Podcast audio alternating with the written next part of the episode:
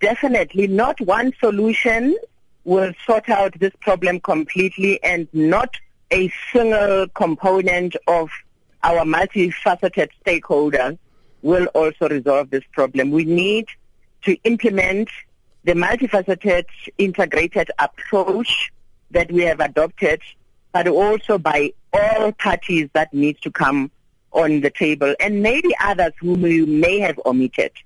The reason being that this issue is really also much more about the demand that's rising out there where the users are found uh, in the mainly the East Asian countries.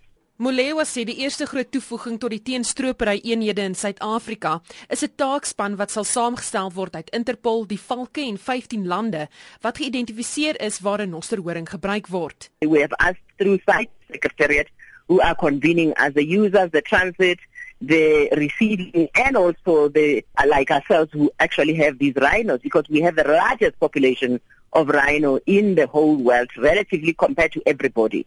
So as we are meeting on the from the 11th to the 14th, that meeting to the 14th years, and that meeting will be attended by those stakeholders coordinated by CITES Secretariat, we are going to be working on strategies at Interpol. The teams that are put, put together is a body called IQUIC.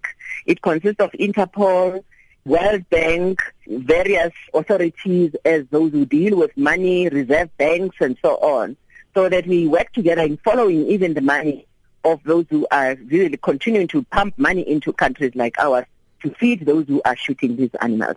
Sy sê alhoewel die nasionale kreer wildtuin steeds die ergste deurloop onder stroopers, is die sekuriteitsmaatreëls besig om vrugte te werp. Sy sê die syfer daar kon baie hoër gewees het sonder die ingryping van die veldwagters onder leiding van afgetrede generaal Johan Jooste.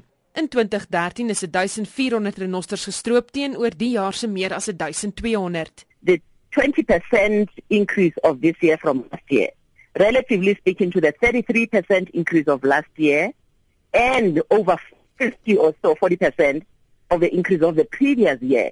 The increase is beginning to slow down. But with the demand that's still rising there, you we stand no chance to really break this neck of these people. But the poacher activity has increased in the park.